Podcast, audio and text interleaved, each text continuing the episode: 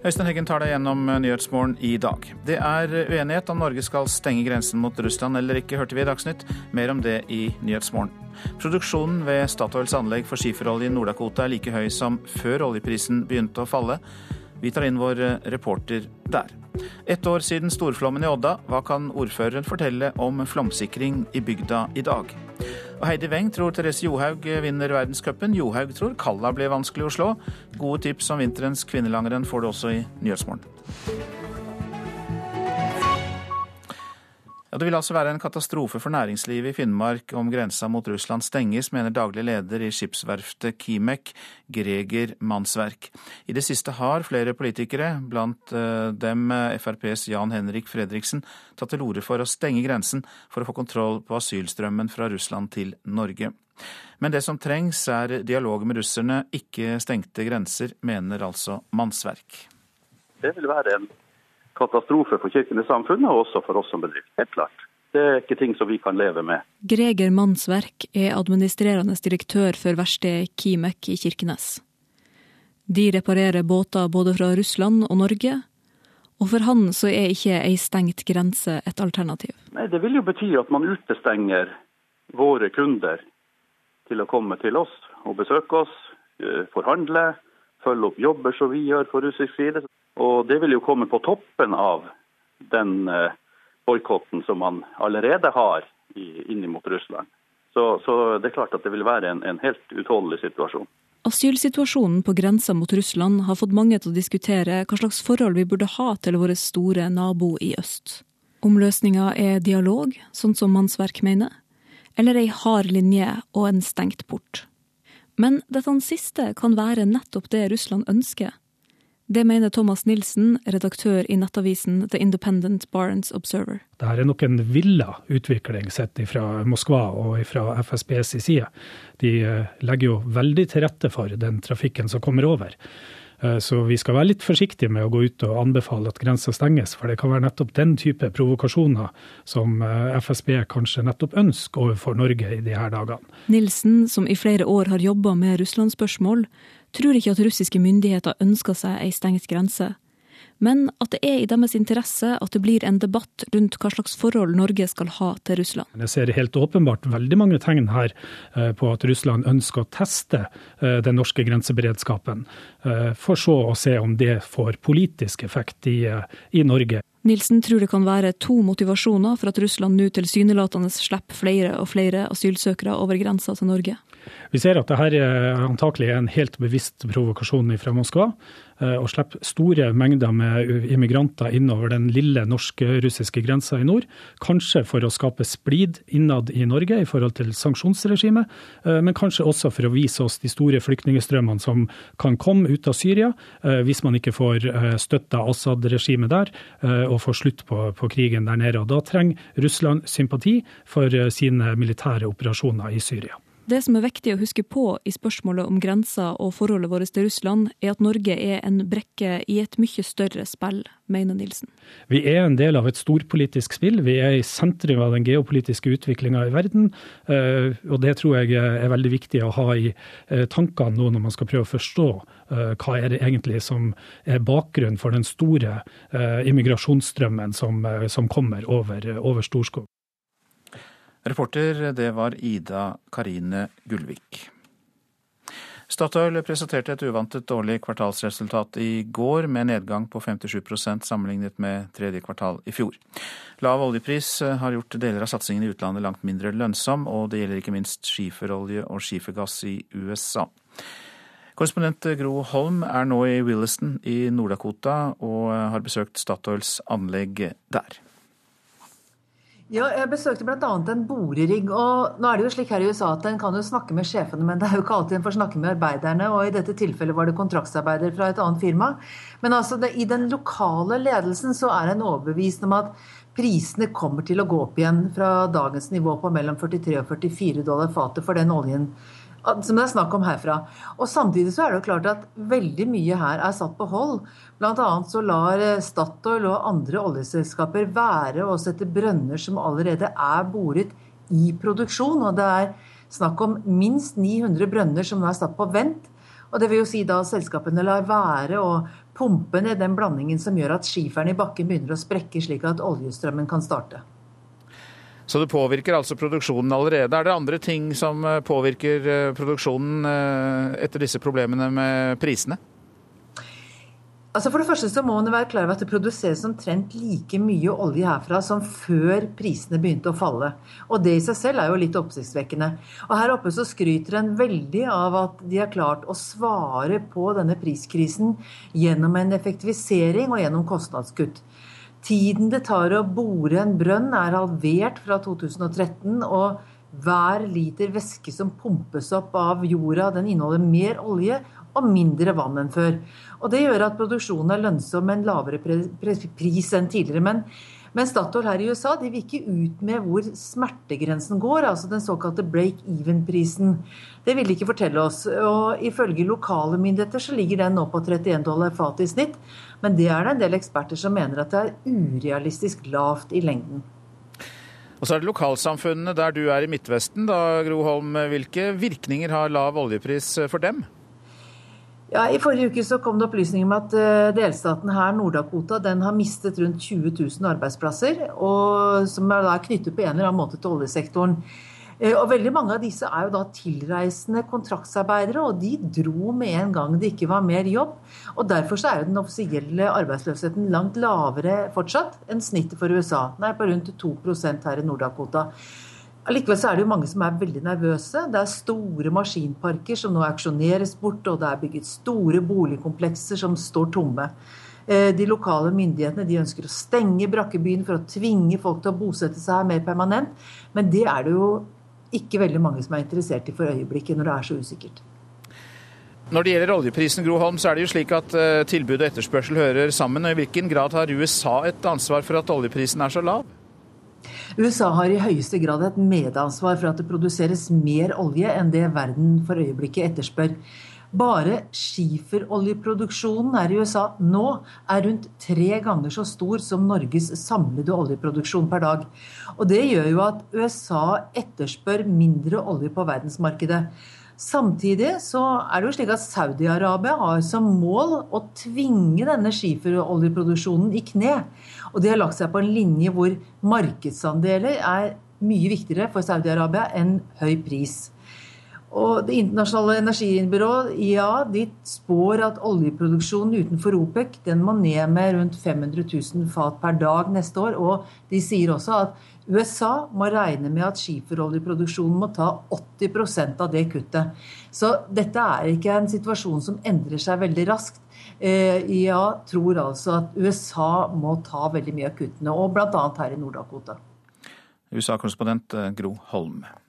En 15 år gammel jente som har vært holdt fanget av islamistgruppen IS, ble onsdag frigjort av kurdisk milits, melder svensk TV 4. Jenta som er gravid i åttende måned, kommer fra Sørvest-Sverige og reiste i sommer til Syria sammen med den 19 år gamle kjæresten sin. Han skal ha sluttet seg til en Al Qaida-tilknyttet opprørsgruppe, og er nå etterlyst internasjonalt for bortføring av den mindreårige jenta. 15-åringen befinner seg nå på hemmelig sted i regionen, melder TV 4. Flyktningsituasjonen preger eh, avisenes forsider i dag. To tredeler av oss er ikke villige til å kutte i velferden og det offentlige tjenestetilbudet for å hjelpe flyktninger. Det viser en meningsmåling gjort for Vårt Land. Statsminister Erna Solberg har anslått at flyktningene vil koste Norge 40-50 milliarder kroner i året. Folk flest må ta flyktningregningen, sier sjefen for næringslivets hovedorganisasjon NHO, Kristin Skogen Lund, til Dagens Næringsliv. Hun ber regjeringen frede både oljefondet og kuttene i selskapsskatten. Mangel på tolker gir lengre asylkø, er oppslaget i Aftenposten. Sprengt kapasitet kan føre til svekket rettssikkerhet, fare for liv og helse og sløsing med offentlige ressurser, advarer tolkeseksjonen i Integrerings- og mangfoldsdirektoratet. Nødplasser for flyktninger koster fire ganger mer enn vanlig asylmottak, skriver Fedrelandsvennen. Selskapet Mirador får 10 millioner kroner for å huse 165 flyktninger på Åros camping i løpet av tre måneder. Vi er et privat selskap og avhengig av å gå med overskudd, svarer Thomas Helleland Homme, daglig leder i Mirador. Senterpartiet frykter at de lavtlønte må betale flyktninge for flyktningarbeid, skriver Klassekampen. Trygve Slagsvold Vedum ber Stortinget tenke seg om før asylsøkere får komme raskere ut i jobb. Det kan gå utover lønna til lavtlønte og føre til at flere grunnløse asylsøkere kommer hit, sier Senterpartilederen. Nei er oppslaget i Klassekampen, for det Nei, i Dagsavisen, for det svarer nemlig Knut Arild Hareide til nye skattelettelser for de rikeste. KrF-lederen vil reversere kutt i formuesskatten, kutte bruken av oljepenger, utsette en av FrPs hjertesaker og lage økonomisk rom for flyktningebudsjett. Norge er uegnet for produksjon av kjøtt, melk, poteter og korn, er kraftsalven i Nasjonen fra samfunnsøkonom Ivar Gåsland ved Universitetet i Bergen. Gåsland mener staten bør slutte å betale bønder for å produsere mat, og han vil omskolere både bønder og arbeidere i næringsmiddelindustrien. Kjemikalier kan gjøre deg tjukk, advarer VG. Forskning viser at eh, hormonforstyrrelser som fører til fedme, kan forårsakes av kjemikalier og miljøgifter. Heidi Weng hun tror Therese Johaug vinner verdenscupen i langrenn, mens Johaug selv tror svenske Charlotte Kalla blir vanskelig å slå. Om en måned begynner verdenscupen, og denne uka er landslaget på høydesamling i Val Senales i Nord-Italia. Charlotte? Fordi hun i de siste årene har tatt store steg. Til tross for et par armbrudd i sommer, Johaug er i rute og kommer til å bli vanskelig å slå selv for Charlotte Kalla når verdenscupen begynner i Kosamå i slutten av november. Fordelen min er kanskje at jeg er veldig godt trent. Heidi Weng kan overraske. Det kan gå veldig bra, og det kan gå opp og ned for min del. Har vært eh, temmelig nær toppen mange ganger, ble nummer tre både i Tour de Ski og i verdenscupen sist. Men Weng har mest tro på at Johaug blir eneren i vinter. Eh, Therese. Fordi hun er den som har vært eh, mest stabil eh, i alle år av de som kommer til å gå verdenscupen.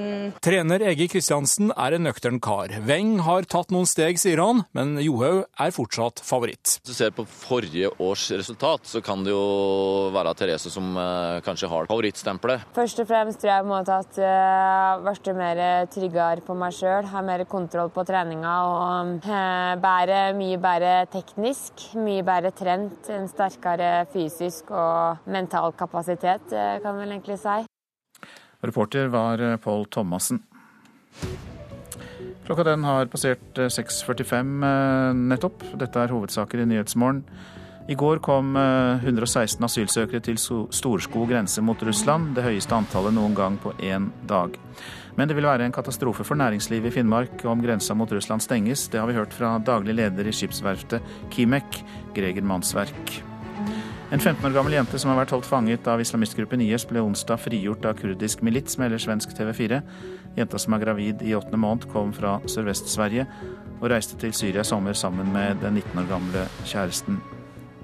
Politikere i Jemen skal ha lovet å utlevere mannen som er siktet for drapet på Martine Wiik Magnussen, dersom Norge påtar seg rollen som fredsmekler for Jemen. Dette, dette initiativet kom i mars, det skriver Dagbladet. Og vi skal høre om Justin Bieber. Han kommer til Norge, men bare for å skaffe seg markedsføring, innrømmer plateselskapet.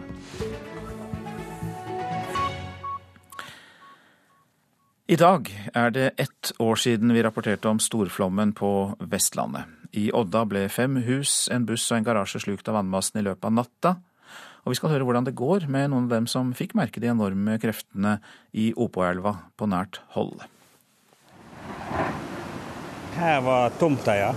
nå er det bare steinrøys i bakken. Det er ikke mye igjen av tomta til Jan Nordli ved Opoelva i Odda. Det er nedgangen til huset. Det er den som står igjen. Resten har de knust ned, transportert vekk. Det blå huset til Jan, som hang delvis i løse lufta, ble et bilde på de enorme kreftene som herja under storflaumen på Vestlandet for akkurat ett år siden. Minner fra det dramatiske døgeret sitter fremdeles sterkt hos Jan og kona Sjøli. Jeg var skremt når jeg kom ned dagen etterpå, etter vi var evakuert. og kom ned og så at nabohusene var jo helt vekke. Og mitt hang i løsa lukter. Det var et skremmende syn, det var det. Det var så forferdelig. Veldig forferdelig hva har skjedd her. Vi trives her. Jeg elsker det huset. Det var så trist at det huset er borte. Nå er paret i gang med å komme videre med livet, og skal bygge seg nytt hus i nabokommunen Kvinnherad. Håper vi kort tid i april neste år, så er det innflytningsklart. Ny bolig. Gleder du deg? Ja, det gjør en. Når vi kommer dit, så får vi både utsikt og kommer vekk fra elva, selv om jeg, jeg syns det er litt trist at vi må flytte. En savner jo plassen, det gjør en. Det gjør en. Rett ved siden av restene av tomta til Nordli står huset til Werner Eide helt urørt. De enorme kreftene som herjer med nabohusa, sparer eiendommen hans. Men én ting har virkelig endra seg, nemlig nabolaget. Der sto ett hus, og ett der, og ett her. Og det står jo et tomt hus her, da. Men han har vanskeligere med å få, uh, noen til å leie, for de er redd. De som bodde her før, de ville ikke opp igjen. Nå er det plutselig Opoelva som er næreste nabo. Det var jo veldig i vinter spesielt, og det var mørkt. Og ikke et lys rundt meg her. Og, så det var veldig vemodig, det var det. Det var ei svær elv som renner her. Innenfor en radius på 50 meter så er det jo vekke fire hus nedenfor hagen min. Vi hadde jo mye prat ute i veien her og om ja, da de kom fra jobb og med postkasse og sånn, men alt er vekke nå. Alt det. det, er det. Hvordan eh, ser du på, på, elva nå? Nei, Nå er elva blitt eh, en del bredere. Pluss det er nå er den jo sikra. Så jeg er ikke redd for noe flom nå. sånn så, Om det kommer såpass som var så da i oktober i fjor, 17, kan ikke det skje noe her. Så du er ikke noe redd elva i dag? Nei, det er jeg ikke. Ja, det sa Werner Eide. Reporter var Tale Hauso. Og god morgen til deg, Roald Aga Haug. God morgen. Du er nyvalgt ordfører for Arbeiderpartiet i Odda. Du får vel representere myndighetene på Vestlandet året derpå, for å si det sånn. Eh, for ja, hvordan ville det gått dersom det hadde kommet en tilsvarende flom i år? Det virket jo som eh, Werner Eide var ganske optimistisk her. Det er jo veldig vanskelig å, å eh, vite hvordan det ville gått. Nå er vi jo veldig glad for at det ikke gikk liv tapt forrige gang, men det var dramatisk. Men nå har, nå har NVE sikra elva for, for, eh, vannmasser som for så vidt er mindre enn det som, som var i den flommen som, som gikk. De har sikra elva for en 300 kubikk, og det var jo nesten oppi 800 kubikk per sekund. Oddingene er vant med sterke naturkrefter, men uh, dette var litt mer enn det enn det vi er vane med. Og, og, det er klart at uh, elva er nødt til å sikres langt bedre enn det vi har eh, klart til nå. Sånn at det er en stor jobb å gjøre fremdeles. Hvordan skal man klare det? Hvordan, eh, hva gjør man? Nei, Nå har det jo pågått det som kalles for krisetiltak, eller midlertidige tiltak fra NVE. Der har en brukt en god del penger. En har brukt 30 millioner kroner langs Opo og Oddadalen for, og helt opp til Skare for å sikre elva for en 300 kubikk da, i, i sekundet. Og så har kommunen brukt en god del penger eh, langs elva. Og vi har jo vært, fått bevilga penger fra staten. Og nå skal arbeidet gå videre med å gjøre mer permanente sikringer, sånn at elva kan være trygg i framtida. Men vi ser jo det at med de framskrivingene nå av, av flom som følge av av klima som gjør, gjør, at vi får enda mer vann i, i, dette området, så, så, må vi kunne sikre elva mot langt større flommer enn det vi faktisk hadde i Odda denne gangen. Og Da, ser vi òg nå på og, om vi kan lage flomsikring med en flomtunnel. Da. Opovassdraget er jo vernet. Er, er, det, er, det, en ulempe? Burde man sett bort ifra den type naturvern for å innføre enda kraftigere tiltak for å verne bebyggelsen? Elva er iallfall ikke verna mot store miljø, nei, naturødeleggelser. I fall. Det er vel ingen, ingenting som har endra elva så mye som, eh, som, eh, den flommen vi har hatt nå. da. Men selvfølgelig er jo vi, eh, skal jo vassdraget tas vare på. Men, men, det er klart at får en nå en flom på kanskje 20-30-40 altså hvis, hvis en tenker 20-50-tall, får en flom som er mye større enn det som var nå, så er det klart du er nødt til å ha kunne avlede vannet. Og Da er det, er det en flomtunnel som eh, kan være en løsning. Da. Men Det må vi jo se på nå framover sammen med myndighetene og NVE. Men eh, jeg tror de fleste som var i Odda og så husene gå nedover, ligge i bunnen av, eh, av Opo, og se de naturødeleggelsene som var de dagene, ville tenke at her er vi nødt til å gjøre det som er nødvendig for å forsikre elva slik at det er trygt å bo i Odda sentrum og langs elva. Det må være vårt hovedfokus. Takk skal du ha, Roald Aga Haug, som altså er eh, ordfører i eh, Odda. De regionale filmfondene skal slås sammen. Før jul så skal seks bli fire. Bjørn Eirik Olsen har ledet arbeidet med å slå sammen de to nordnorske fondene, og mener filmbransjen blir styrket av denne sammenslåingen. Målet er å bygge en sterk og bærekraftig filmindustri i Nord-Norge. Og, det gjelder alle ledd. altså Det gjelder produksjon, det gjelder stunt, det gjelder casting, det gjelder distribusjon. Kommet hit for å preike, Roy. Actionfilmen 'Burning', fjorårets mest populære norske kinofilm. Produsert med støtte fra bl.a. Filmfond Nord, det ene av seks regionale filmfond i Norge. Nå skal antallet fond halveres, etter krav fra kulturministeren. Kun konsoliderte fond vil heretter få penger over statsbudsjettet. Ragnhild Kvalø har ledet arbeidet med å slå sammen de to filmfondene på Innlandet og Midt-Norge. Det som er viktig i forhold til konsolidering, eh, det er jo at en klarer å utvikle større regionale kraftsentra. Og filmmeldinga er jo veldig tydelig på det, at eh, den konsolideringa som ble stimulert der eh, skal på en måte være en reell motvekt mot filmmiljøet i det sentrale østlandsområdet. I nord skal fondet hete Filmfond Nord-Norge og eies av de tre nordnorske fylkeskommunene. I tillegg vil også Sparebankens kulturstiftelse gå inn med penger. Også i resten av landet jobbes det altså på spreng med å etablere større regionale filmfond. Film 3 på Innlandet skal slås sammen med Filminvest Midt-Norge i Trøndelag. Fondet skal hete Filminvest 3 og får kontorer på Lillehammer og i Trondheim. På Vestlandet skal Føss i Bergen slås i hop med Filmkraft Fond i Rogaland. Fortsatt gjenstår detaljer rundt eierbrøk og finansieringsnøkkel, men når det er rydda på plass, vil man få et fond med muskler til bl.a. markedsføring. Det sier daglig leder for Føss, Lars Marøy. Det å ha en stor enhet som kan ha litt muskler til å markedsføre seg utad, eh, være til stede på eh, de relevante arenaene, f.eks. filmfestival i Cannes, og framstå som, eh, som en, en, stor aktør, er mye lettere enn å markedsføre to små. Reporter Rune Norgård Andreassen. Intimkonserter er det mange store artister som benytter seg av, og Justin Bieber er en av dem. Han skal holde en såkalt showcase-konsert i Norge for bare noen få utvalgte gjester. Og det er viktig markedsføring, mener musikkviter. Justin er inspirasjon til så, så mange mennesker.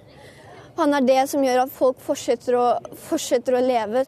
Petra Justine Corneliussen står sammen med vennegjengen, som alle er trofaste Bieber-fans eller Beliebers. De snakker om kveldens Justin Bieber-konsert, som mange gleder seg til, men som få får oppleve. Justin har vært mitt mål, den personen jeg har sett frem til. Og nå når han faktisk kommer, så vet jeg ikke om jeg får møtt han. Og den følelsen er noe som ikke kan beskrives.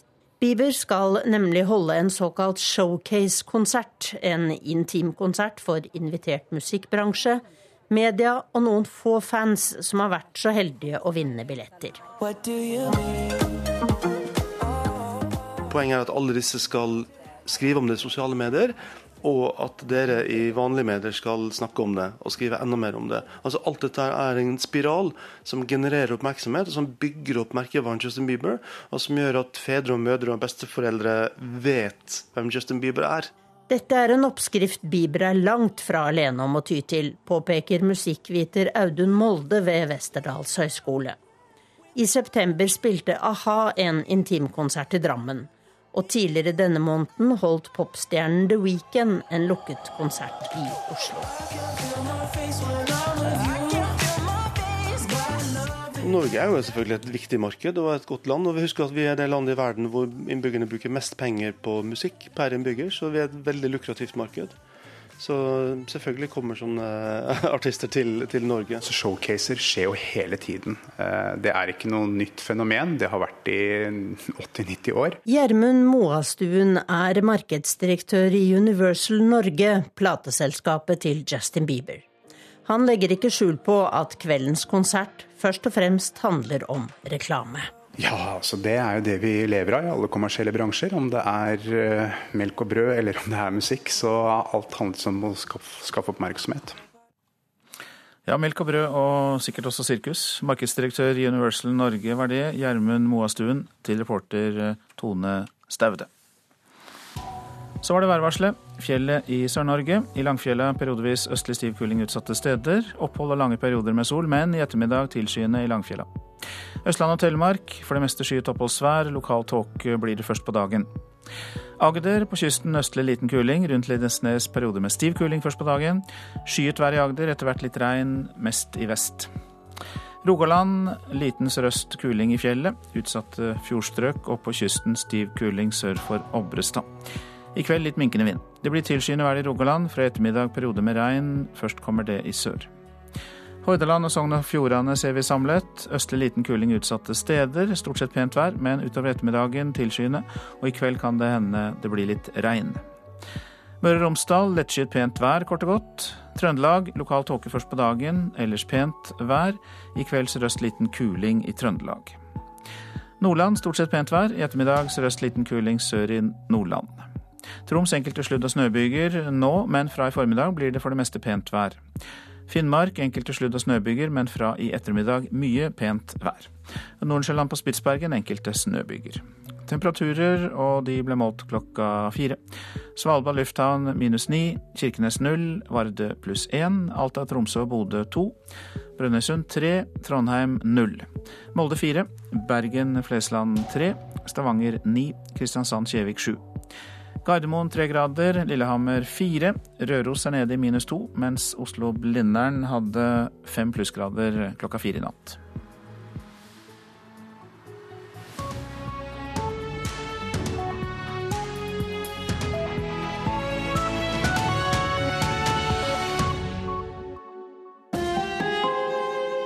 Hør ekko. Da Anita sa hun ikke var muslim, ble hun skjelt ut og spytta på. Abid Raja ble kalt sviker da han tok avstand fra jødehat. Og da Jens slutta å være pinsevenn, så sto moren i døren og gråt. Hvorfor skal det koste så mye å ta et oppgjør med religion og kultur? Ekko 9 11 i NRK P2.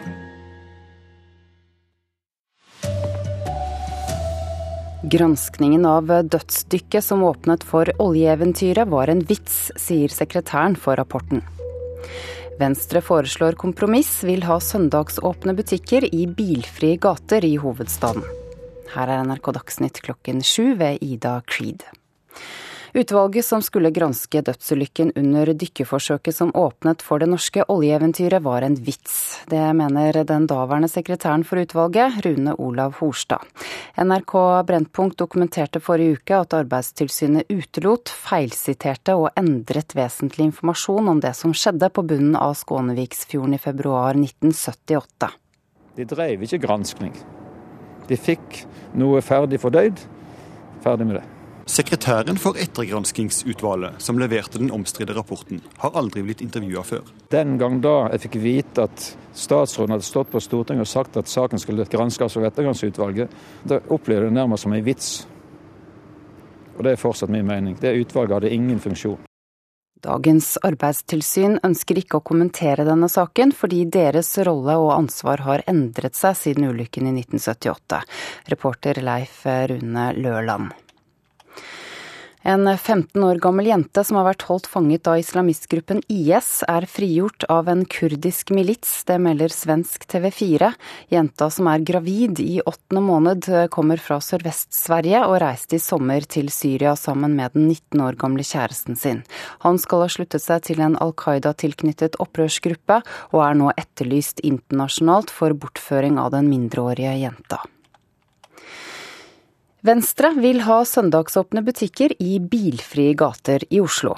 Det kan være et kompromiss for å få handelsstanden med på å gjøre gater i sentrum bilfrie, mener Venstres gruppeleder i bystyret, Guri Melby. Hun mener at det også er et klimatiltak, fordi butikker i sentrum får et fortrinn fremfor bilbaserte kjøpesentre. Nå er jo Venstre generelt positiv til at det kan være søndagsåpne butikker i Oslo. Eh, og jeg tenker at Et godt kompromiss da, mellom dem som er skeptiske til det og dem som ønsker det, kan være at vi åpner butikker på søndager i de gatene som er bilfrie.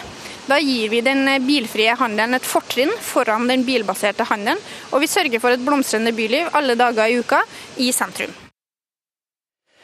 En 18-åring fikk strafferabatt etter å ha slått og sparket sin gravide kjæreste. Retten mente han handlet i berettiget harme, etter å ha fått vite at kjæresten hadde vært sammen med en annen mann. Den tidligere straffedømte 18-åringen erkjente seg delvis skyldig i retten. De formildende omstendighetene gjorde at dommen ble satt til 30 timers samfunnsstraff i stedet for betinget fengsel i 45 dager, som aktor ba om.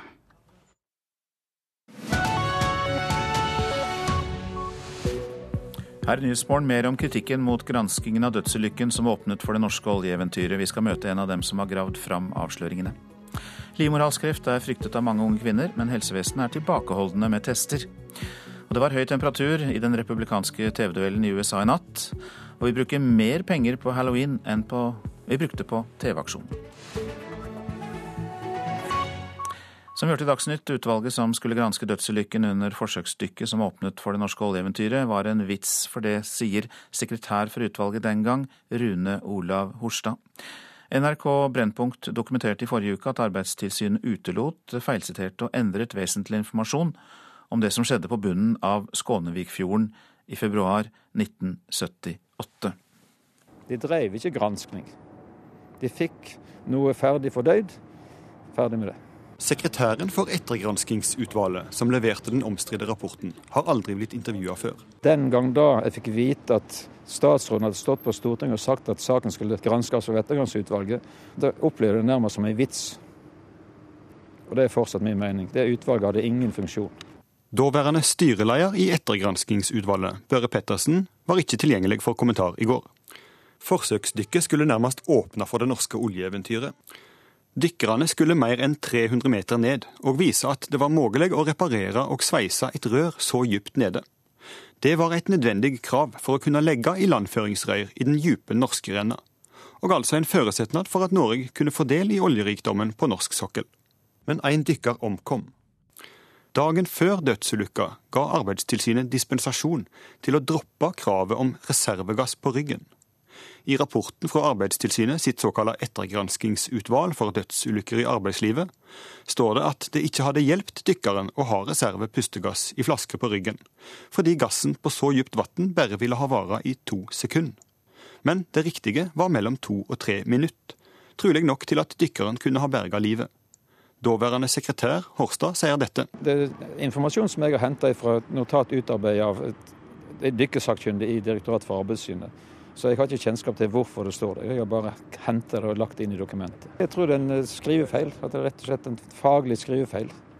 Utrolig nok, men det tror jeg. To sekunder, det har ingen mening. Det betyr død. Reservelutt med to sekunder har ingen nytteverdi. Den samme rapporten hevder at dødsårsaka ifølge dykkerlegene trolig var CO2-forgiftning, som kunne skyldes en personlig feil gjort av dykkeren. Men til Brennpunkt sier de samme legene i dag at de aldri mente det, men at dykkeren trolig omkom av oksygenmangel etter at pustegassen forsvant ved en teknisk svikt. Fokus på en slik svikt kunne ha sett stopper for ilandføring av oljemilliardene til Norge. Horstad sier at avsnittene med skrivefeilen og feilsitatet må han ha fått fra fagekspertisen i Arbeidstilsynet. Det har jeg klippet fra dokument utarbeidet av de som kan det. De som hadde kunnskap om dykking, dvs. Si Vinsnes. Den nå avdøde Ragnar Vinsnes var han som ga løyvene og dispensasjonen til forsøksdykket, som enda med dødsulykke. Det var et eksperiment. Det var spørsmål om kan vi reparere en oljeledning som går over norske renner, og så ryker den. Og Det betydde jo kolossalt for norsk oljesektor for helt at, å føre i land olje. Og det var klart det er grenseland. Det var en teknologi som ikke var prøvd før på så store dybder. Det var et grenseland. Arbeidstilsynet ønsker i dag ikke å kommentere denne saka, fordi deres rolle og ansvar har endra seg siden ulykka i 1978. Sa reporter Leif Rune Løland. Journalist i NRK Hordaland, Kjersti Knutsen, du står bak Brennpunkt-dokumentaren om denne ulykken, er med oss fra studio i Bergen nå. Vi hørte i innslaget at sekretæren i ettergranskingsutvalget sier utvalget nærmest var en vits. Fortell oss mer om utvalget. Ja, Utvalget ble satt ned etter Kings Bay-ulykken i 1963. Og mandatet deres var å granske ulykker eh, som hadde dødelig utgang i, eh, arbeidslivet. Det var det som var mandatet deres. Det skulle være et uh, utvalg som gransket. De skulle se på om ansvarsforholdet strafferettslig var kommet rett fram. De skulle vurdere om det var grunn til kritikk overfor fabrik, fabrik, fabrikanter eller folk som var involvert i i uh, ulykkene. Så, så, de hadde en granskingsrolle. Det var helt klart det står i mandatet til utvalget. Og Hvilke alvorlige feil var det som ble skjult i denne rapporten? I denne rapporten så går det frem at at dødsårsaken er CO2-forgiftning. Det er en dødsårsak som ikke står i den offisielle obduksjonsrapporten fra Gades institutt. Det er også en dødsårsak som i ettertid er trukket av den som kom opp med den. Det er en dødsårsak som gir reelt sett dykkerens skyld i ulykken selv, og som eh, får eh, fokus vekk fra teknisk svikt.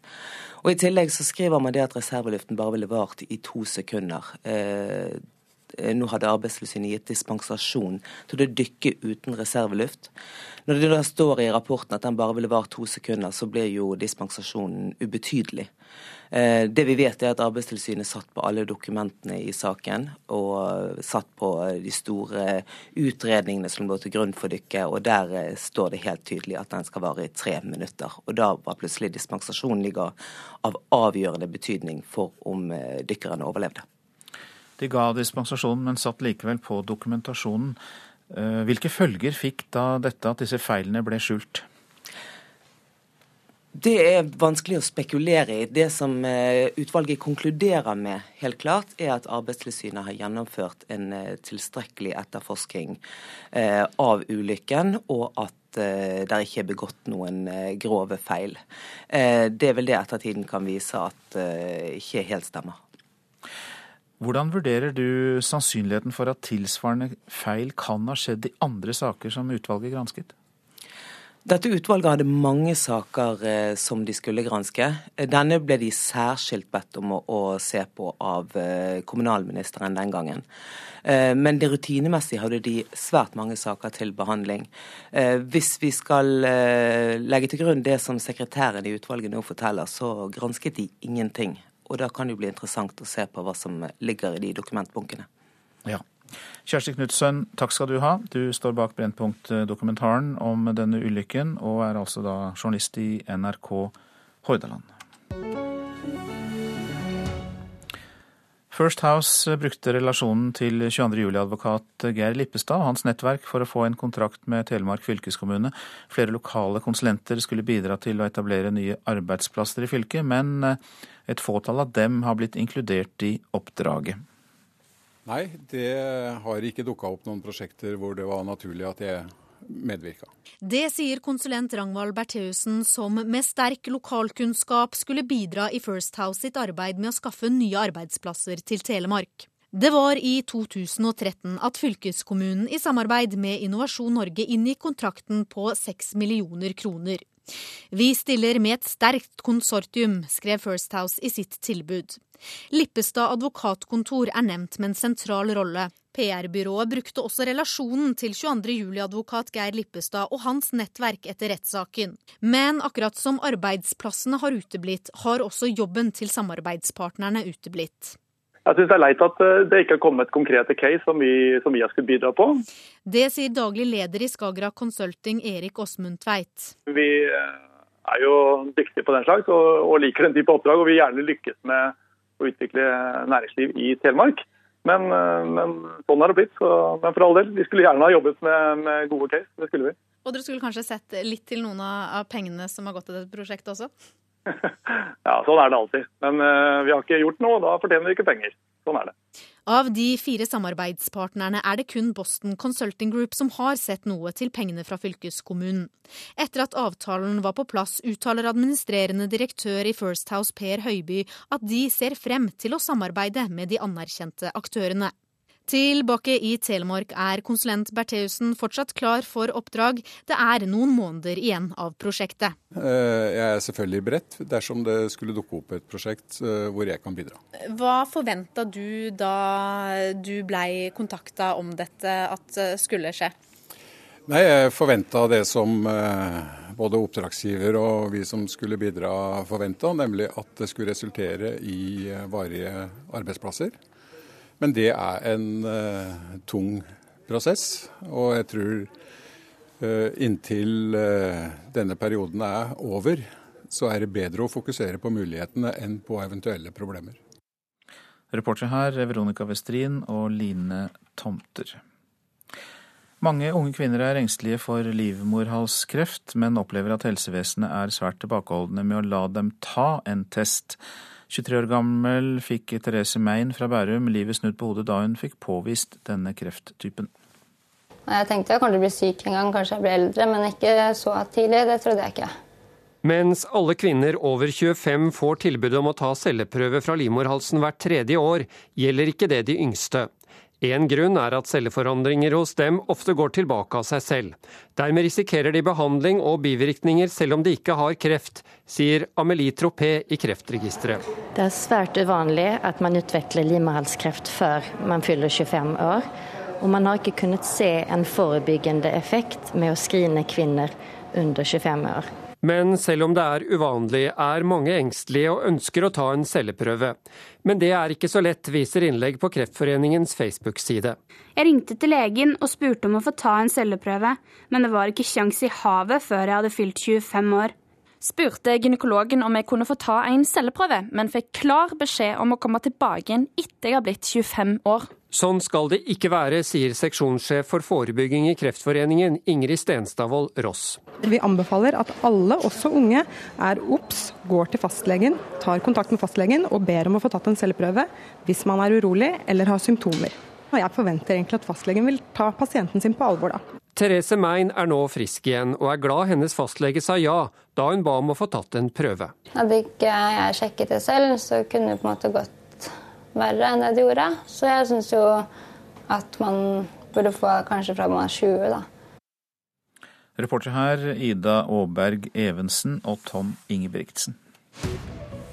Dette er Nyhetsmorgen, og klokka den nærmer seg kvart over sju. Dette er hovedsaker.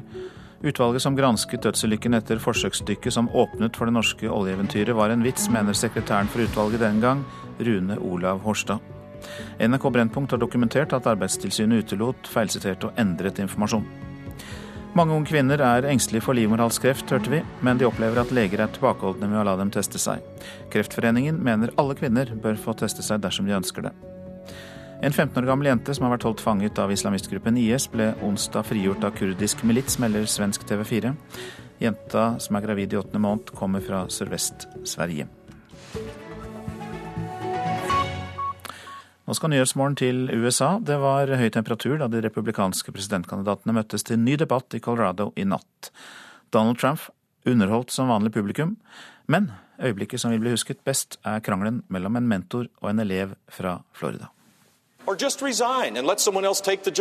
Hvorfor går du ikke bare av som senator? spør Jeb Bush.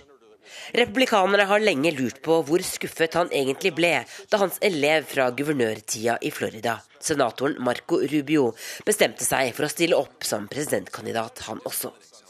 I natt fikk de svaret, da de to begynte å krangle og Rubio vant. The only reason why you're doing it now is because we're running for the same position, and someone has convinced you that attacking me is going to help you. I've been... Here's the bottom line: I'm not. My campaign is going to be about the future of America. It's not going to be about attacking anyone else on this stage. Debatten her i Boulder hadde høyere temperatur og tempo enn de forrige. Og den varte også én time kortere, som Donald Trump raskt tok æren for. Everybody said it was going to be three hours, three and a half, including them. And in about two minutes, I renegotiated it down to two hours so we can get the hell out of here. Not bad. Not bad. Trump angrep både motdebattanter og programledere som vanlig. Men også andre fikk vist seg fram. Spesielt senator Ted Cruz fra Texas, som fikk stor applaus da han angrep mediene. The questions that have been asked so far in this debate illustrate why the American people don't trust the media. This is not a cage match. How about talking about the substantive issues people care about? På universitetet der debatten ble holdt, er flere hundre studenter samlet for å se på. Adam Bell er skuffet over at nesten ingen studenter fikk slippe inn i selve salen. The GOP chose not to invite any students to come and listen to the debate live. They excluded us. And I think that speaks to the Republican Party. They're exclusionary and they're not interested in having a dialogue with the rest of America, with all of us here, all these students. Look, this has never happened before in almost a decade here at CU. All these students are interested in politics right now and having an authentic debate. Katie Gumbel er usikker på hvilket parti hun vil stemme på til neste år. Så langt er hun skuffet over republikanere. fordi hun mener de ikke snakker om saker som angår unge mennesker. They seem like they're not really trying to cater towards students. I mean, we're on a college campus. It would be nice to have them talking more about stuff that we as a younger population would care about. USA-korrespondent Tove Bjørgaas rapporterte fra Colorado. Den afrikanske union har lagt fram en rapport som i detalj beskriver krigsforbrytelser i Sør-Sudan. Den viser at begge sider i borgerkrigen har begått alvorlige krigsforbrytelser. Generalsekretær i Norsk Folkehjelp, eh, Liv eh, Tørres, velkommen til oss. Tusen takk. Hva er de alvorligste anklagene i rapporten? Rapporten beskriver jo bestialske overgrep mot sivilbefolkningen. Her snakker vi om eh, voldtekter, drap, seksuelle overgrep, eh, kannibalisme. Så det er eh, tøff lesning, og ikke minst eh, en beskrivelse av ekstremt tøffe vilkår for eh, sivilbefolkningen. Hva kan det bety at dette da kommer fram og blir avdekket? Kan det ha noe å si for å få slutt på konflikten? Altså Nå er det jo sånn at partene, og ikke minst sivilbefolkningen, har visst om, om dette, dette, lenge. Det er klart at når, når dette kommer ut i sin fulle bredde nå på papiret, og med AU som står tungt bak, så vil det kanskje ha en betydning for det internasjonale presset overfor partene. Og så er jo AU veldig klare på at, og rapporten at de anbefaler en ansvarliggjøring, oppfølging, juridiske mekanisme for å ansvarliggjøre partene, og et omfattende forsoningsarbeid etterpå. Ja, Det er altså Den afrikanske union som har bestilt eh, rapporten. og eh, Du sier altså at det at det er Den afrikanske samarbeidsorganisasjonen som står bak den, er viktig da, mm. for å få til noe fremover? De regionale stormaktene her er ekstremt viktig eh, for å få lagt press på partene i Sør-Sudan, eh, skape insentiver for å få slutt på konflikten osv. Så, videre. så det at det er de som står bak også denne granskningen og forslagene til løsning, er ekstremt, eh, ekstremt viktig. Det er viktig. Samtidig kommer rapporten seint. Eh, den har vel blitt holdt tilbake et helt år. Hvorfor det? Nei, De har vel forsøkt å vente til eh, en våpenhvileavtale var på plass i eh, Sør-Sudan. Så skal vi ha med oss at den våpenhvileavtalen som er gjengått, Eh, inngått, den er, eh, den er, brutt. Det er fortsatt konflikt og voldshandlinger som pågår i, i Sør-Sudan. Men, men, dette beskriver nok bakteppet for at, at, det har tatt tid, rett og slett. Men er det verste over? Ja, dessverre så ser det dårlig ut for sivilbefolkningen i, i Sør-Sudan. I tillegg til at vi har denne konflikten mellom de to partene som, som startet konflikten i desember 2013. President Eh, på den ene siden og tidligere visepresident Riek Mashar, så har du fått en rekke andre aktører, krigsherrer, militsgrupper, pluss at disse to opprinnelige partene i konflikten har vanskeligheter med å kontrollere sine egne folk. Rett og slett det er fragmentering på, på begge de sidene også. Så skal vi legge, til, legge til at den, den økonomiske situasjonen for Sør-Sudan blir jo stadig forverret med redusert oljepris, som de er helt avhengig av. Det legger press på alt i tillegg, og den humanitære situasjonen blir nå eh, stadig verre for sivilbefolkningen. Vi snakker om minst en tredjedel av befolkningen som er i desperat nød og er avhengig av nødhjelp utenfra. Mange takk skal du ha, generalsekretær i Norsk Folkehjelp, Liv Tørres. Politikerne i Jemen skal ha lovet å utlevere mannen som er siktet for drapet på Martine Wiik Magnussen, dersom Norge påtok seg rollen som fredsmegler for Jemen. Initiativet kom i mars fra en høyt respektert og politisk aktiv person i Nord-Jemen, som nå bor i eksil, skriver Dagbladet. Representantenes hus i Kongressen har vedtatt et kompromiss som øker det føderale budsjettet med nærmere 690 milliarder kroner og hever gjeldstaket i resten av president Barack Obamas periode. Nærmere 80 republikanere stemte sammen med demokratene og sikret altså budsjettforliket. Senatet må godkjenne forliket innen 3.11 for å hindre at deler av statsapparatet stenges ned. Så til norske aviser, og flyktningsituasjonen preger mange forsider.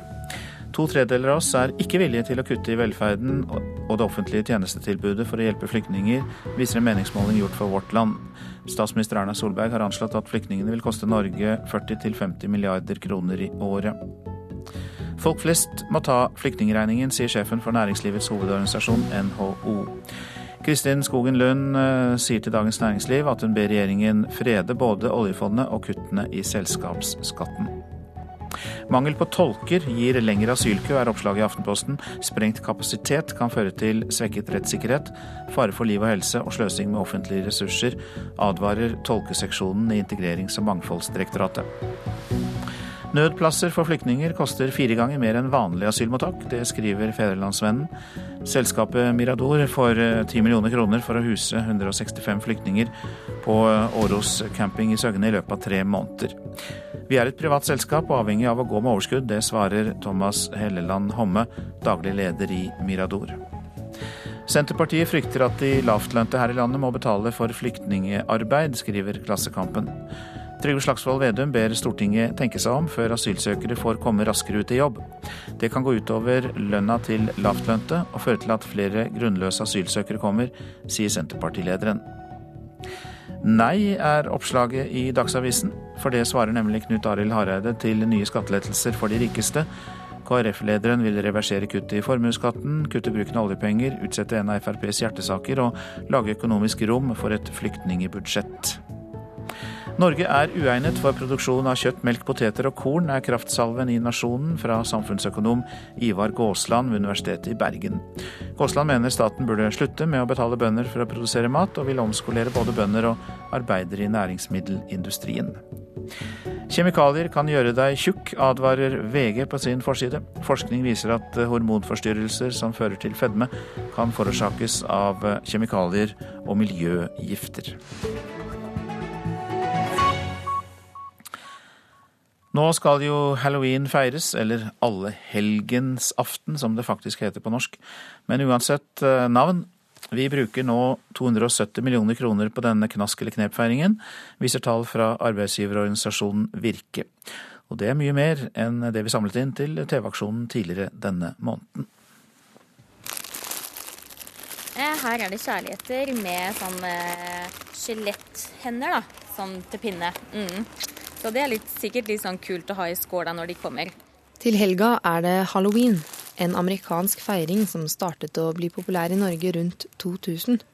Der barn kler seg ut og går fra dør til dør og ber om søtsaker.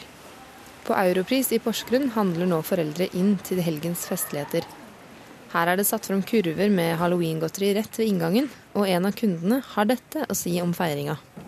Eh, det er jo barn som har forventninger når de kommer og ringer på døra, og så er det jo også mine barn som har forventninger om at vi skal ha kult nok godteri når de andre kommer. Hva syns du om det? Nei, jeg syns det er helt greit. Jeg brukte vel noen år på en måte svelge at eh, halloween har eh, utkonkurrert julebukken.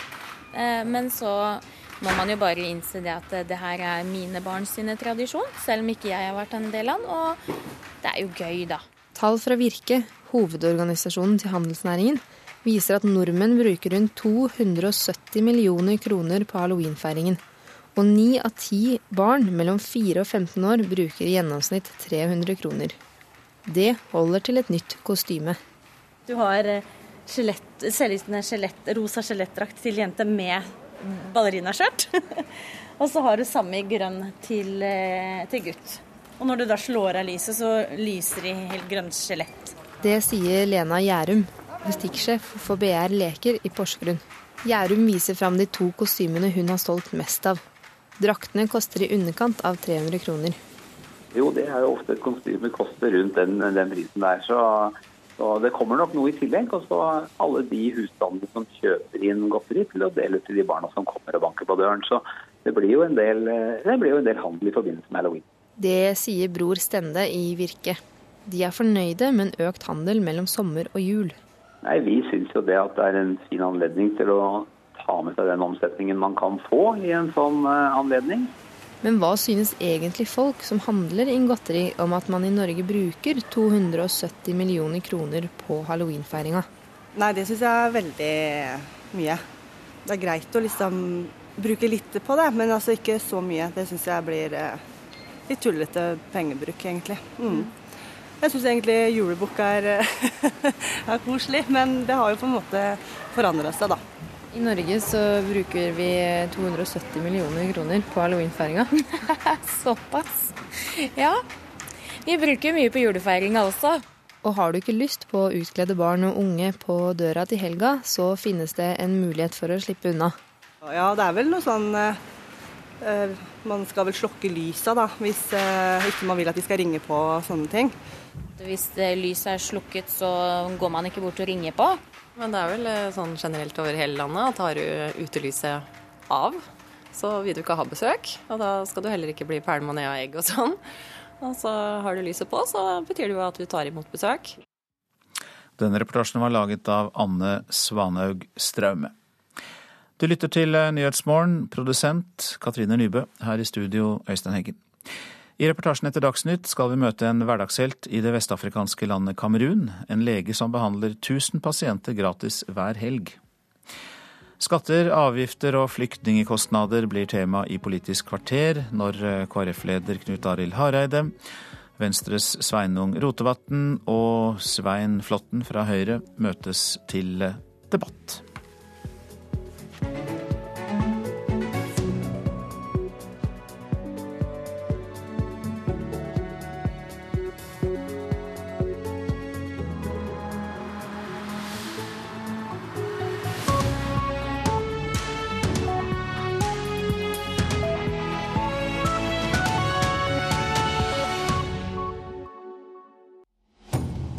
Når rødlyset tennes i Kulturhusets studio, sitter vi klare med de beste gjestene.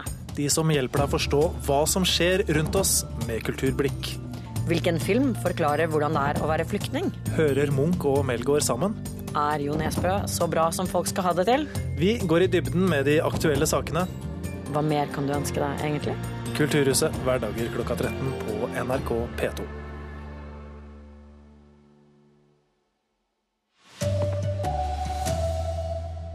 Granskningen av dødsdykket som åpnet for oljeeventyret var bare tull, sier sekretæren for rapporten. Unge kvinner som frykter livmorhalskreft blir avvist av fastlegen når de vil eh, teste seg. Justin Bieber har landet. 950 utvalgte får se ham synge i kveld. Poenget er at alle disse skal skrive om det i sosiale medier, og at dere i vanlige medier skal snakke om det. Her er NRK Dagsnytt ved Ida Creed, klokken er 7.30.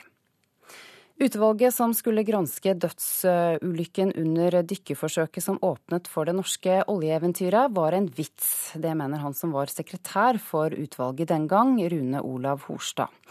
NRK Brennpunkt dokumenterte i forrige uke at Arbeidstilsynet utelot, feilsiterte og endret viktig informasjon om det som skjedde på bunnen av Skåneviksfjorden i februar 1978. De drev ikke granskning. De fikk noe ferdig fordøyd. Ferdig med det. Sekretæren for ettergranskingsutvalget, som leverte den omstridte rapporten, har aldri blitt intervjua før. Den gang da jeg fikk vite at statsråden hadde stått på Stortinget og sagt at saken skulle granskes av ettergranskingsutvalget, da opplevde jeg det nærmest som en vits. Og det er fortsatt min mening. Det utvalget hadde ingen funksjon. Forsøksdykket skulle nærmest åpne for det norske oljeeventyret. Dykkerne skulle mer enn 300 meter ned, og vise at det var mulig å reparere og sveise et rør så dypt nede. Det var et nødvendig krav for å kunne legge ilandføringsrør i den dype norskerenna, men én dykker omkom.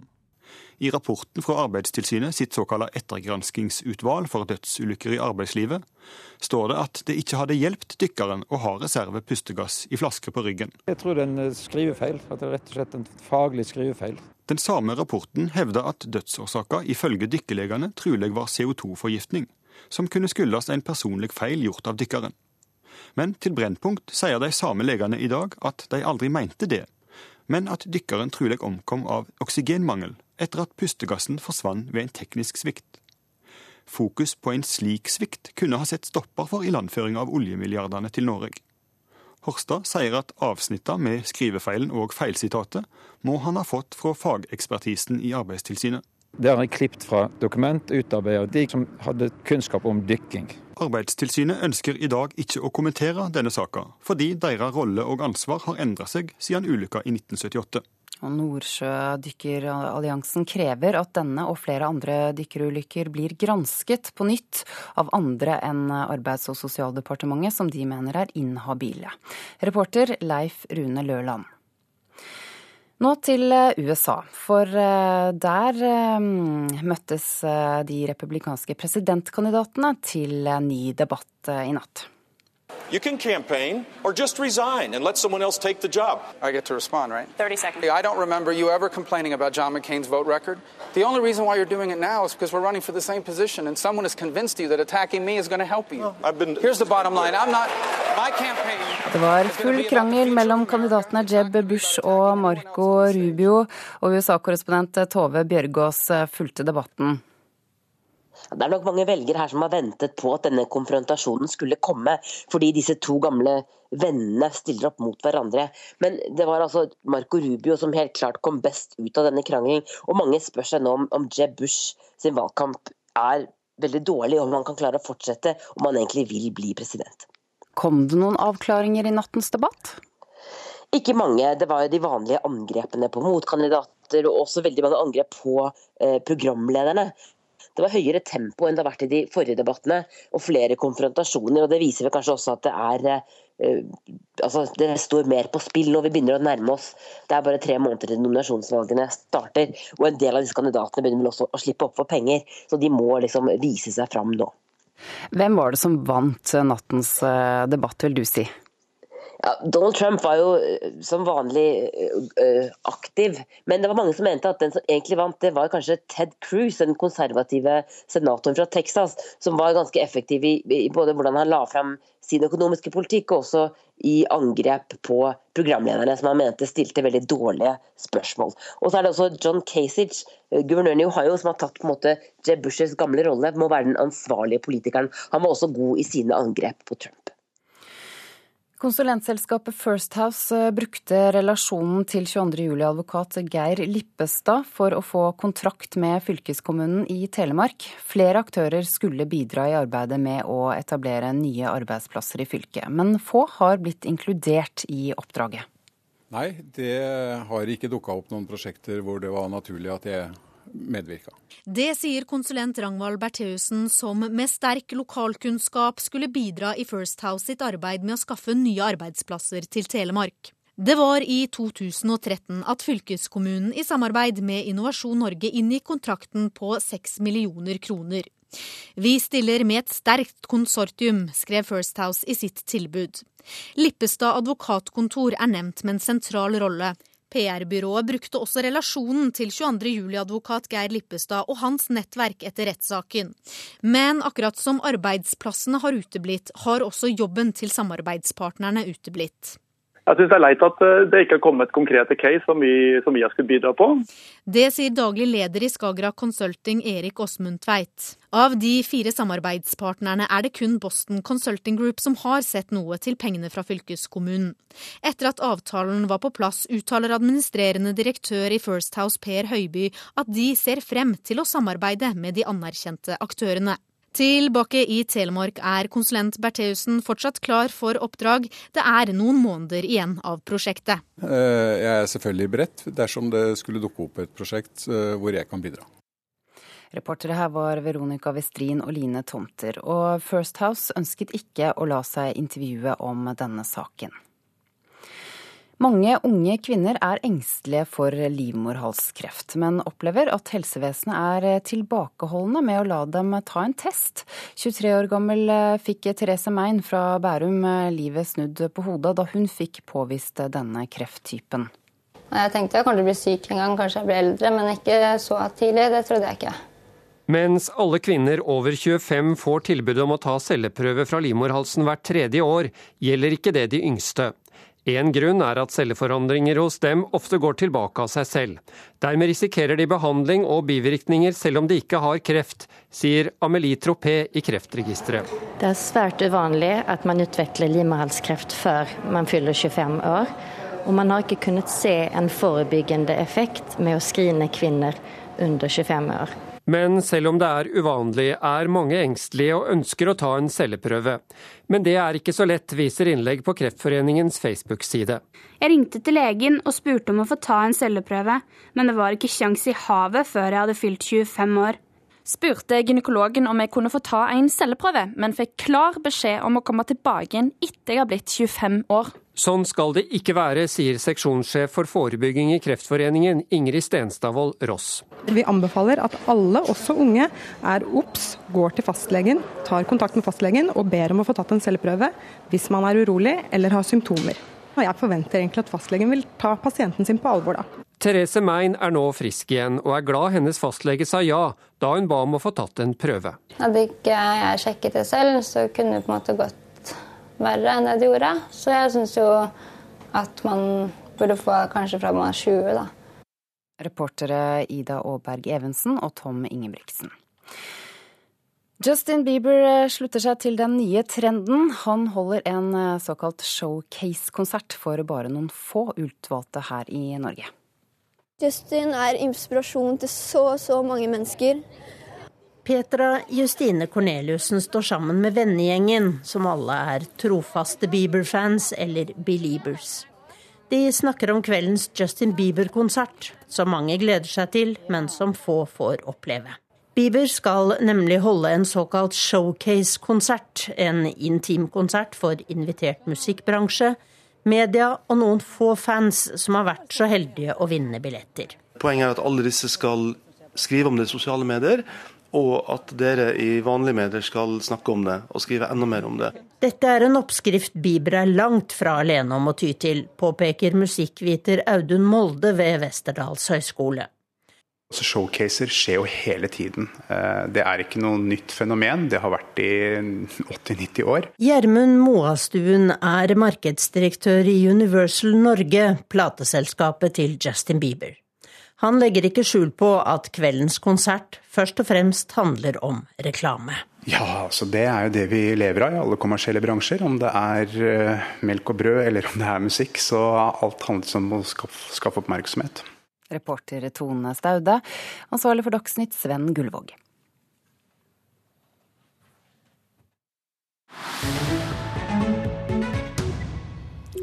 Vi skal møte en hverdagshelt her i Nyhetsmorgen nå, i det vestafrikanske landet Kamerun.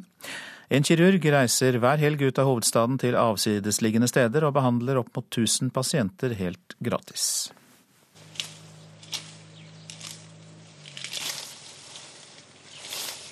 En bonde kapper sukkerrør. Vi er langt ute på landsbygda i Kamerun. Bøndene og deres familier her har ikke tilgang til noe helsevesen i sitt område. Men denne helgen får de hjelp fra en lege som er blitt en hverdagshelt i Kamerun. Det er en munter stemning der legen og medhjelpere laster medisinsk utstyr ut av en buss parkert ved skolen i landsbygda. Snart er klasserom gjort om til venterom, behandlingsrom og operasjonssal. Jungeltelegrafen fungerer. Hundrevis av syke stiller seg i kø utenfor skolen. En av dem er ungdommen Emanuel Ngachu. Dette er et strålende initiativ. Den unge mannen har ikke penger til behandling på sykehus i nærmeste storby. So I decided just to seize this opportunity to come since uh, I never had that money to go to the hospital. Den unge pasienten blir avbrutt av at en eldre mann blir båret fram til sykehuset. Mannen er lam fra liv og ned etter en tidligere hjerneblødning. Han kommer fordi han lenge har hatt fryktelig vondt i tennene.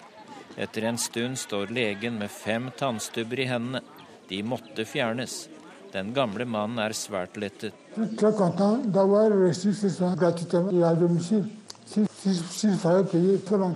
Jeg har ikke penger til å oppsøke sykehus eller tannlege i storbyen, forteller Bernaro Lume til nyhetsbyrået Associated Press.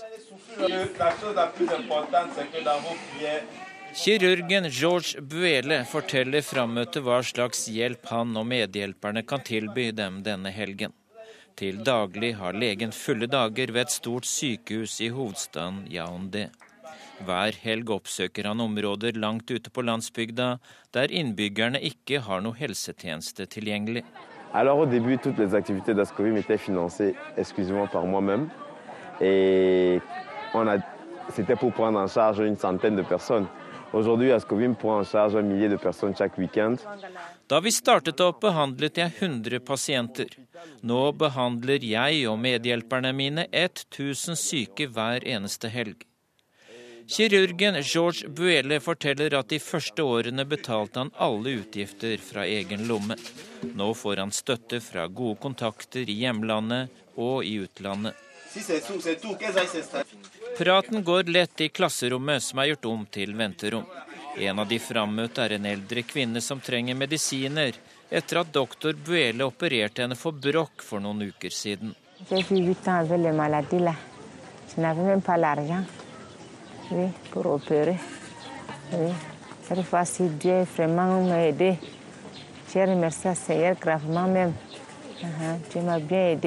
Jeg hadde store smerter i åtte år, sier Elisabeth Adanle.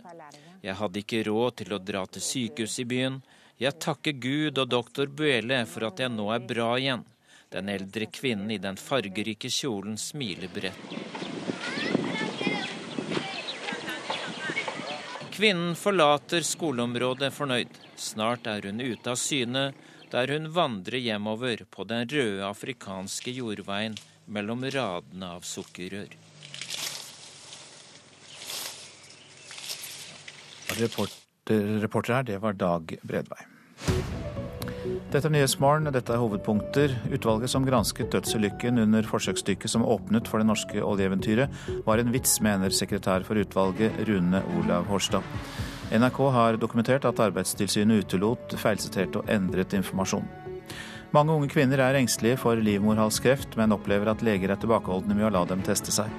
Kreftforeningen mener at alle kvinner bør få en slik test dersom de ønsker det. En 15 år gammel jente som har vært holdt fanget av islamistgruppen IS, ble onsdag frigjort av kurdisk milits, melder svensk TV 4. Jenta som er gravid i åttende måned, kommer fra Sørvest-Sverige. Det er Politisk kvarter nå, og det er i dag ved Astrid Randen.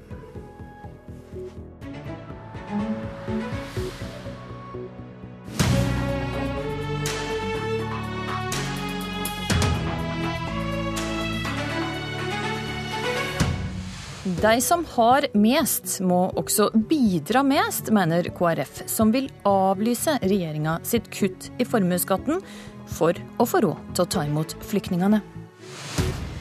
Regjeringa ville unngå bråket fra i fjor, og la opp til et budsjett som både KrF og Venstre kunne like. Men det var før en visste prislappen for flyktningene. Selve tillegget til statsbudsjettet har regjeringa varsla kommer i morgen, men lekkasjene til nå tyder på ei regning på 9,5 milliarder kroner. Og i denne situasjonen som jeg står oppe i nå, så er det feil å kutte i formuesskatten. Det mener du, KrF-leder Knut Arild Hareide. Hvorfor? Ja, Det er jo fordi at uh, vi vet at statsbudsjettet del én har kommet. På fredag så kommer del to. Og etter det så vil samtlige parti, både regjeringa og alle partiene på Stortinget, ha en stor utfordring foran seg. Vi må gjøre betydelige kutt eller prioriteringer. Og da sier KrF vi sier nei til store velferdskutt. Vi mener heller da vi bør ta en mer sosial profil på skattene. Og da bør vi prioritere de skattene som har størst betydning. Det å redusere selskapsskatten, altså for bedriftene, vil ha langt større betydning. Og regjeringens egne rapporter sier at vi får åtte ganger mer igjen for de kronene vi bruker på skattekutt til selskapsskatten, enn det vi gjør på formuesbeskatningen. Så KrF støtter altså regjeringas skattekutt på selskapsskatten, Det stemmer. men går imot skattekuttet de foreslår på formuesskatten. Ja, og det er en ren prioriteringssak, men det er òg hva vi får mest igjen for. Og nå står vi altså foran en tid med økende ledighet. Da må vi bruke pengene der vi trenger det mest. En reduksjon i selskapsskatten vil gi flere arbeidsplasser. Formuesbeskatningen har vi redusert betydelig i løpet av de årene som har gått. Det er ikke riktig prioritering nå. Eh, Så får vi da se da hva regjeringen gjør på fredag. Om de har noen enda bedre kuttforslag enn det vi har. Men det tror ikke jeg sånn situasjonen er nå. Og så mener du også at de som har mest, må bidra mest. Så privatpersoner må altså bidra i spleiselaget for flyktningene, slik KrF ser det? Ja, Vi er nødt til alle å bidra inn i denne situasjonen her. Og da er det mest naturlig at vi har òg en sosial profil på det. De som har mest, eh, som har best mulighet til å bidra inn i vårt samfunn. Det har vært hele modellen, den norske modellen. At vi har lagt opp på den måten. Det har vært en suksessformel, og det bør vi òg gjøre i denne situasjonen vi nå er. Mm. Sveinung Rotevatn, stortingsrepresentant for Venstre. Eh, Venstre har altså ikke lagt fram sitt alternative budsjett ennå. KrF gjør det senere, senere i dag. Eh, men det er også opptatt av å finne penger for å kunne ta imot flyktningene. Vil det støtte regjeringa sine kutt i formuesskatten? Det er klart at Når vi nå skal betale for et helt nødvendig flyktningmottak, så må vi se kritisk på alle poster, også formuesskatten. Men Venstre har som mål at vi skal redusere formuesskatten videre også neste år. Og det har jo med å gjøre at vi ikke bare skal løse den utfordringa det er med å ta imot veldig mange flyktninger, men vi skal også løse den utfordringa det er med at vi har stigende arbeidsløse i Norge, at vi trenger investeringer i norske arbeidsplasser. Og Da er reduksjonen av formuesskatten en del av det, men det er klart at vi har jo tidligere, og også i år, en annen modell for hvordan vi skal redusere formuesskatten enn det regjeringa ønsker. Vi mener at den heller skal løfte opp i bunn, slik at flere slipper å betale den, i stedet for å gå på satsen. Men, men nå skjønte jeg ikke helt hva du mente. Vil det støtte regjeringa sitt forslag til kutt i formuesskatten, eller ikke? Vårt forslag til hvordan vi skal innrette formuesskatten kommer på mandag. Men vi kommer til å foreslå å redusere formuesskatten også neste år, slik vi har lovet velgerne å gjøre. Og det har med at vi ønsker å skape flere arbeidsplasser i Norge. Og det er helt nødvendig både for de som bor her i dag, og de som kommer hit neste år. Svein Flåten, du er finanspolitisk talsperson i Høyre. Frykter du nå at skattekutta som det er lova, kan ryke under budsjettforhandlingene i Stortinget? Nei, La meg først si at uh, med oljeprisen og flyktningkrisen som bakteppe for dette budsjettet vi skal bli enige om, så må vi ikke glemme at vi også skal fremme arbeid, at vi skal fremme aktivitet og omstilling. Og da er skattelettelser helt sentralt i dette. For som begge partene her har sagt, vi må skape nye arbeidsplasser. De må noen investere i. Det er private norske eiere som må bruke privat norsk kapital å sette inn. Da mener jeg det er feil å beskatte den enda mer. Og derfor så er det riktig å redusere formuesskatten for å skape flere arbeidsplasser. Men i en krevende økonomisk situasjon, er det ikke riktig å gjøre det som fungerer best, først? Jo, Slik men... KrF også tar til orde kutte, nei, kutte selskapsskatten, ikke formuesskatten. Men dette fungerer faktisk godt. og Det er jo også sånn at det å kutte i selskapsskatten kan være bra konkurransemessig. Men hvis bedrifter ikke lenger tjener penger, hvis det må investeres for å komme ut av en krise, så må man gå til eierne. og Derfor er også formuesskatten viktig. Vi har sett utredninger på at det er forskjell i hvordan dette virker. Men den store utredningen, den praktiske utredningen, er å gå og spørre norsk næringsliv hvordan fungerer dette. Og da sier de unisont at det å beskatte penger som skal investeres i nye arbeidsplasser, det er svært uheldig. Hvis en spør norsk næringsliv, så tror jeg selskapsskatten er det som står øverst på deres prioriteringsliste. Så står òg den type satsinger som vi er enige om.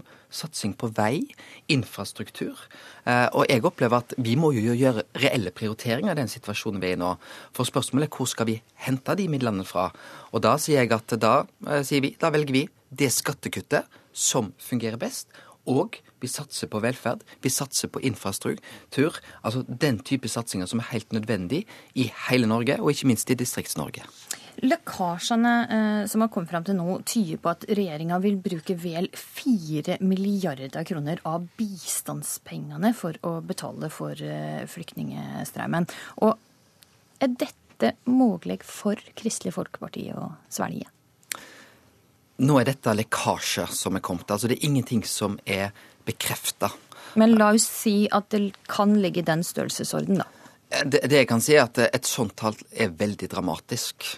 Eh, om det skulle være kutt i den størrelsesorden, altså på, på over fire milliarder. Det er så stort tall at jeg har vanskelig for å tro at det kan stemme. Men det er jo veldig dramatisk. Og hvorfor det? Jo, fordi at vi veit at eh, For det første så har eh, Eh, både Siv Jensen og Erna Solberg vært veldig tydelige på at vi er nødt til å hjelpe flyktningene der de er. Bistand, humanitær bistand, men òg langsiktig bistand, er jo nettopp hjelp til flyktningene der de er. Og det syns jeg er veldig bra. KrF har sagt. Vi både må ta imot i vårt eget land, men vi må også hjelpe flyktningene der de er. Og Hvis vi nå kutter i den bistanden, så vil jo det være starten på at enda flere flyktninger vil kunne komme til Norge.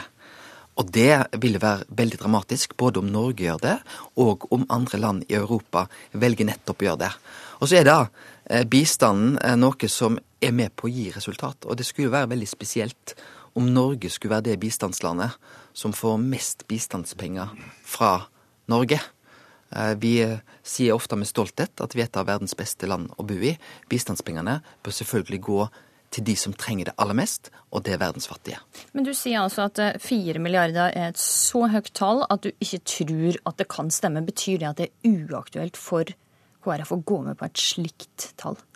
Jeg, jeg, vil ikke begynne å debattere eller forhandle på ting som er bare spekulasjoner, og som ikke er bekrefta. Men vi har jo gjort nå Vi legger fram et statsbudsjett i dag der vi både har en bedre sosial profil på skatten, der vi har et grønnere budsjett, der vi ikke har velferdskutt, og der vi ikke har reduksjoner i bistanden. Vi har altså da faktisk en økt satsing på bistand i den situasjonen verden er i nå, med den verste flyktningsituasjonen etter andre verdenskrig. Så øker vi faktisk bistandsbudsjettet. Eh, så vi har altså en, en formel på en løsning der vi ikke trenger å kutte i bistanden. Eh, det er ikke riktig. Eh, med den situasjonen vi er i nå. Hva med Venstre? Fire milliarder kroner kutt i bistandsbudsjettet. Er det aktuelt for Venstre å godta? Jeg tror også vi skal avvente og se hva som skjer i morgen. Dette er lekkasjer. Eh, men jeg er enig med Hareide i at det er veldig høyt. Og når vi legger fram vårt budsjett i Venstre, så kommer ikke vi til å eh, bruke verdens fattige som en salderingspost for å ta imot flyktninger i Norge. Og jeg er overbevist om at dette er mulig å få til uten å begynne å kutte i bistandsbudsjettet. Vi skal se kritisk på alle budsjettposter, absolutt. Eh, men vi må huske hva vi snakker om her. og det er at Regjeringa har lagt fram et forslag til budsjett neste år som er rekordstort, med rekordhøy oljepengebruk så legger opp til at vi kommer til å få Europas største offentlige sektor neste år, og det øker på så godt som alle poster. Det finnes plasser å hente penger, og jeg tror ikke at den første plassen jeg skal se, er de aller fattigste delene av verden. Og i alle fall så bør en verne trygt om den langsiktige bistanden, som er helt avgjørende. Ja, Svein Flåtten, venta venter du at en bruk av verdens fattige som salderingsposter? Jeg tror vi skal passe oss for å få den diskusjonen over på å si at det er den ene gruppen som settes opp mot den andre, enten det gjelder bistand eller det gjelder skatt eller hva det måtte gjelde. Nå får vi se hva som kommer. Men eh, jeg støtter jo de andre to herrene her i at eh, alt i budsjettet må ses på. Vi har eh, også en veldig stor bistandspost i budsjettet. Kan det være noe i innretningene der som man kan se på, så mener jeg at det også bør være et diskusjonstema. Det er tross alt over 30 milliarder kroner som ligger der. Jeg kjenner ikke detaljene i det, men det er aldri noe som ikke er så godt innrettet at det kanskje i den, og jeg understreker veldig ekstraordinære situasjonen som vi er i, kanskje kan ses på på, med, på en annen måte. Ja, og bistandspengene er mye mer utsatt enn andre budsjettposter. Nei, altså budsjettpostene er i og for seg like. Vi kommer til å se på absolutt alle budsjettposter med nye, friske øyne for å finne inndekninger for dette som trengs. Men vi vil jo få et utgangspunkt fra regjeringen. De vil presentere et såkalt tilleggsnummer i morgen. Der vil det være en inndekning for de utgiftene som vi nå ikke kjenner. Hva som tas fra det ene eller andre, vet vi ikke. Men jeg regner jo med at vi får en relativt, om ikke avslappet, så i hvert fall en fordomsfri diskusjon om hvilke poster som vil være fornuftig å endre på hvis det er nødvendig. Mm, så til en sak som har vært heftig debattert den siste tida, avkorting til eh, pensjonistene. Rotevatn, Venstre vil ikke støtte regjeringa sitt forslag om å avgrense avkortinga, eller sagt på litt enklere språk, gi gifte og samboende pensjonister litt mer i pensjon. Eh, hvorfor er det så viktig å vente med dette nå? Fordi det koster veldig masse penger, og det er feil prioritering. Eh, når vi legger fram vårt statsbudsjett på eh, mandag, så kommer dette ikke til å være en del av det vi legger fram. Eh, og Grunnen til det er simpelthen at vi neste år må se kritisk på alle budsjettposter. Og da tror jeg at å bruke handlingsrommet vi faktisk har, til å øke opp pensjonene til de pensjonistene som har aller høyest inntekt fra før og laveste utgifter, det er en dårlig idé. Om en først skal gjøre noe for pensjonister, så er det mange andre smartere grep en kan ta.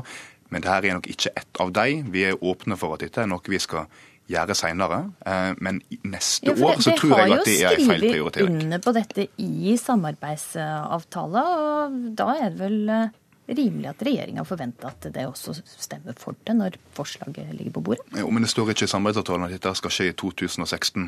Eh, og det står eh, heldigvis mye fornuftig i samarbeidsavtalen som vi alle har et mål om å gjennomføre. Eksempelvis skal gjennomføre et stort løft for fattige barn og mange andre viktige grep.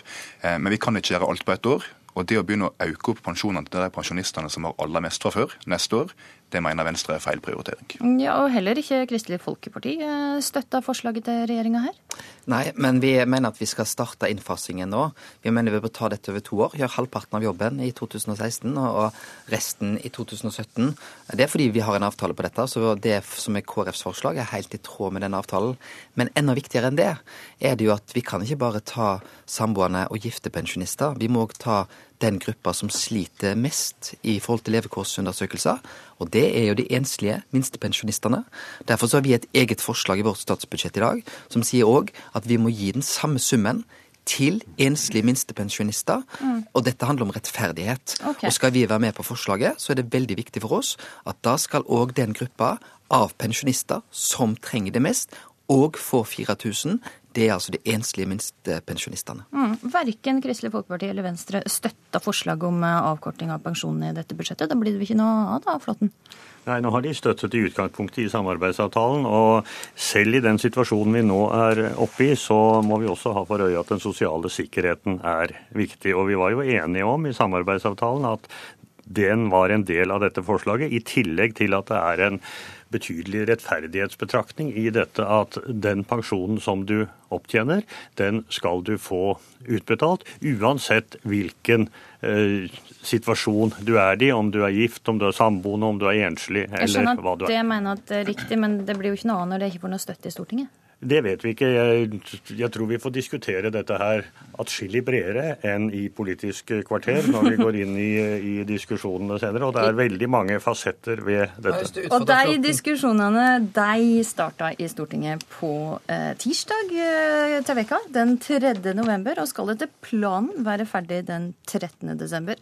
Svein Flåtten, finanspolitisk statsperson i Høyre, Sveinung Rotevatn, stortingsrepresentant for Venstre, og Knut Arild Hareide, leder i Kristelig Folkeparti. Takk for at det kom til Politisk kvarter. Programleder denne morgenen var Astrid Randen.